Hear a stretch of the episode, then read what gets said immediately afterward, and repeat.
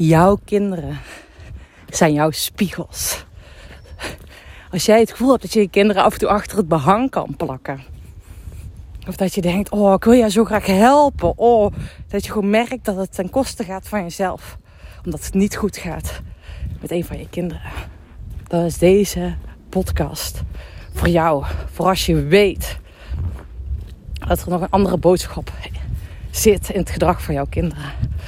Maar dat je nog lastig vindt om te ontvangen of nog niet eens bewust van was, überhaupt.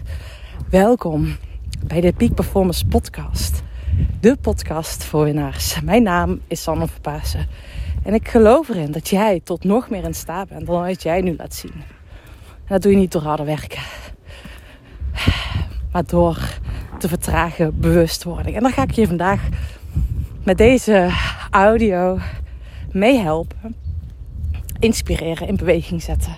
Triggeren, uitnodigen. I don't know wat er bij jou precies gebeurt.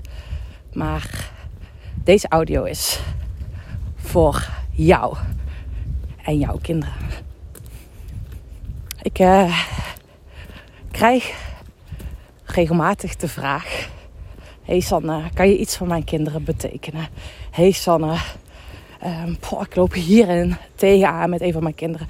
Dus of letterlijk de vraag um, ja, voor coaching voor een van hun kinderen. Of dat tijdens een traject wat ik heb, er van alles gebeurt met hun kinderen, de kinderen. En dat het automatisch onderdeel wordt van het traject. Beide. En ik ga nu even met mee in een voorbeeld dat ik van een, uh, een dame kreeg, moeder, vier kinderen. En zij vroeg me letterlijk, kan je mij onze dochter helpen? Want zij heeft ook een grote passie voor fietsen. En ze heeft al verschillende instanties, loopt ze. Maar gaat niet goed.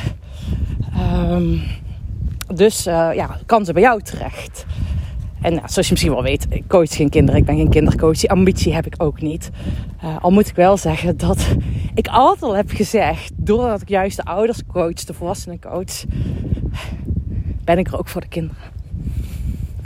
En daarmee zeg ik onbewust al... ja, dat jij de factor bent voor... Nou, de invloedrijke factor bent op het gedrag van je kinderen. En dat was met deze ouder ook. Uh, nou, zij stelde, ik stelde haar een vraag.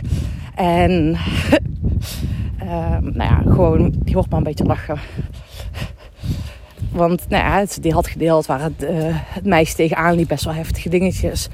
Um, dat past niet in het schoolsysteem. Nou, dat was een van de dingen die tot uiting kwam. En toen ging ik ook vragen stellen over de moeder. Van oké, hoe zit jij in de wedstrijd? Waar loop jij tegenaan? Hoe was de geboorte van het kind? Waar ben jij zelf tegen aangelopen? En het kwam erop neer dat die moeder antwoorden gaf in de zin van, nou, best wel een traumatische bevalling geweest. Ik heeft niet voor de dochter kunnen zorgen op het begin.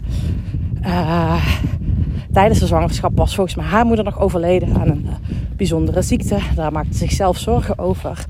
Uh, had ze nog op dat moment volgens mij twee andere kinderen ah, er was zoveel in haar leven gebeurd van die moeder in relatie tot de zwangerschap en de geboorte van het meisje.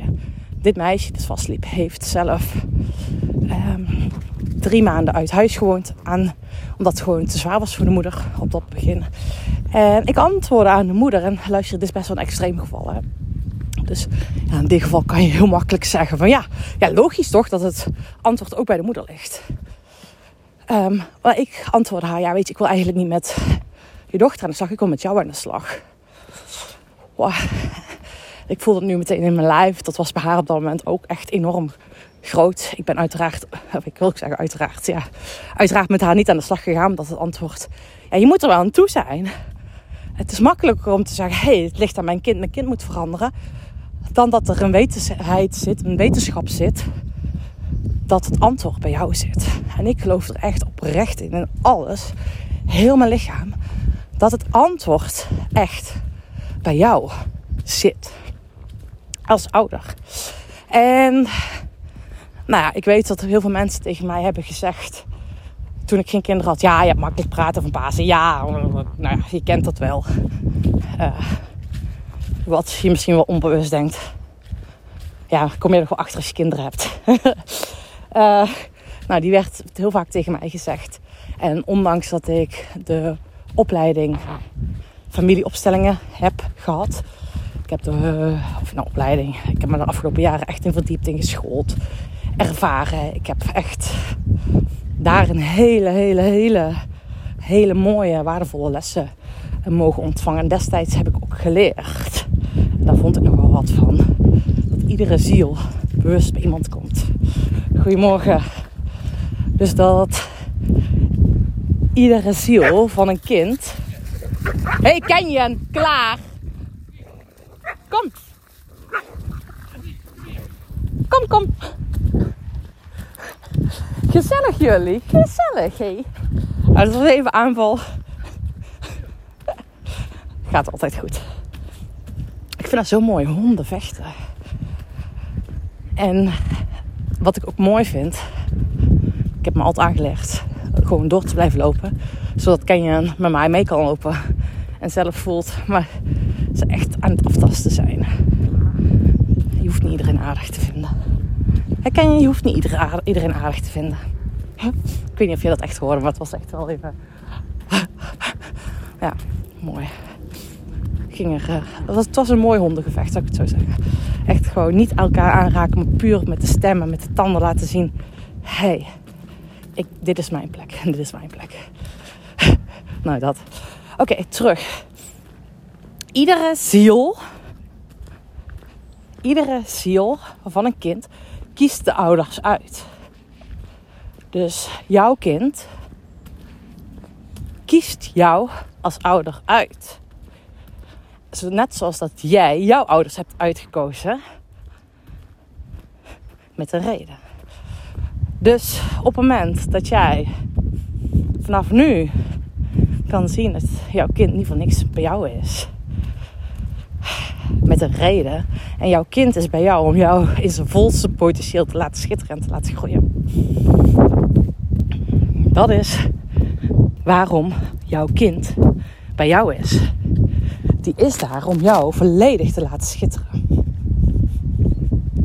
En ik vond er nog wat van ik heb de laatste tijd al vaker over een podcast over gedeeld. Uh, ik dacht, oké, ja, dat kan zo zijn. Ik heb het nog nooit zo ervaren dat de ziel van een kind ook echt de ouder uitkiest. En ik heb het al eerder gedeeld in een podcast en gezegd van, joh, weet je, wij hadden... In principe zagen we ook al leven voor ons zonder kinderen. en die lieve kleine Nora, die heeft ons aangetikt. Letterlijk. Allebei tegelijk. Oké, jullie moeten ouders worden. Dus bam. Nou, daar was ze. Daar is ze. Um, ik ben ook, ik zie ook steeds veel vaker. En sorry als je een kinderwens hebt die niet vervuld mag worden. Misschien heel pijnlijk om te horen, maar je ziet ook dat de reden vaak ook is dat je er misschien nog werkelijk niet klaar voor is, bent. Dat er misschien nog wat ander innerlijk werk te doen is. Dat er nog misschien letterlijk wat georganiseerd moet zijn. Ik zie dat in mijn omgeving veel te vaak gebeuren. Ook dat ineens zwanger zijn als de ontspanning daar is. En mensen die vinden er nog wel wat van als ik dat ook zeg. Ik heb het recent nog tegen een vriend van mij gezegd. En ze was totaal ontspannen en ze was zwanger.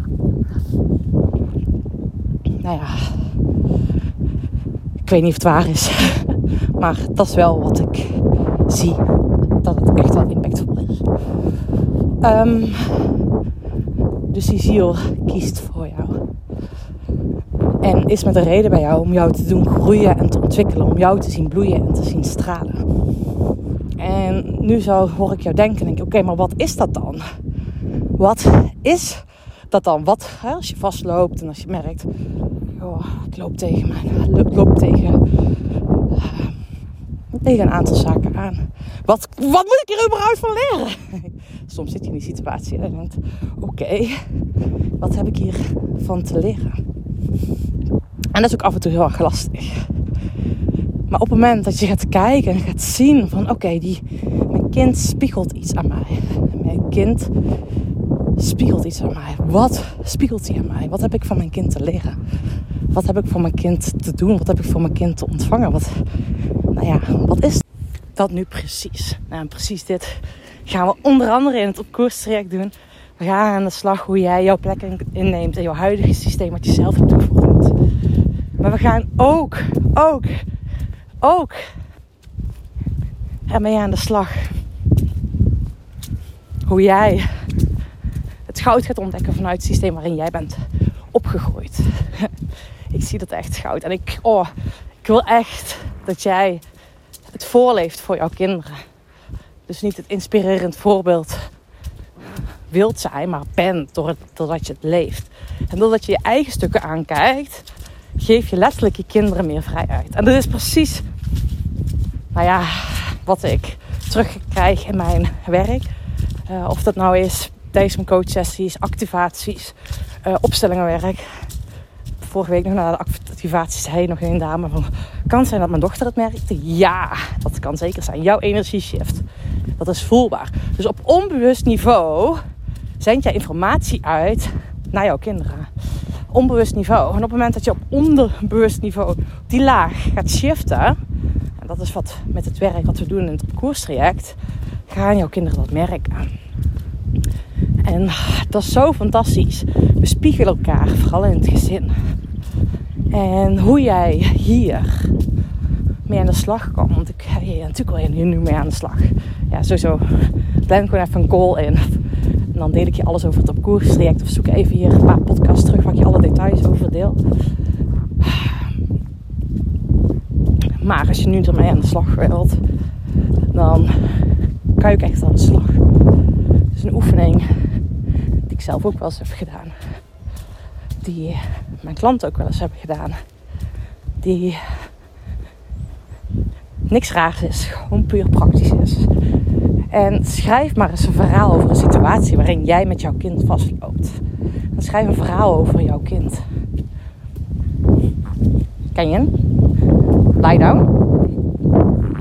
Goed zo. Kom maar. Dan schrijf je een verhaal over jouw kind. Dus ja, als je Henkje, we waren weer een keer bij de binnenspeeltuin en je ging een complete error. Kom. Je ging een complete error. Het was totale paniek. En vooral op het moment dat ik aan jou vroeg: Wil je wat te drinken? Toen was het, oh nee, hij moest helemaal volledig in zijn spel blijven. En dan schrijf je het alle details op. Alle details schrijf je helemaal uit. Liefst gewoon een pagina vol. Schrijf je over welke emotie je zag, hoe de omgeving eruit zag. Hoe jij tegen hem praatte of haar. Hoe je kind erop reageerde. Welke eigen wijsheid je vond. Alles. Go all in. Alles. Schrijf het op. Eén pagina. Schrijf één A4 erover. Over je kind. En als je klaar bent, dan vervang je de naam van je kind door je eigen naam.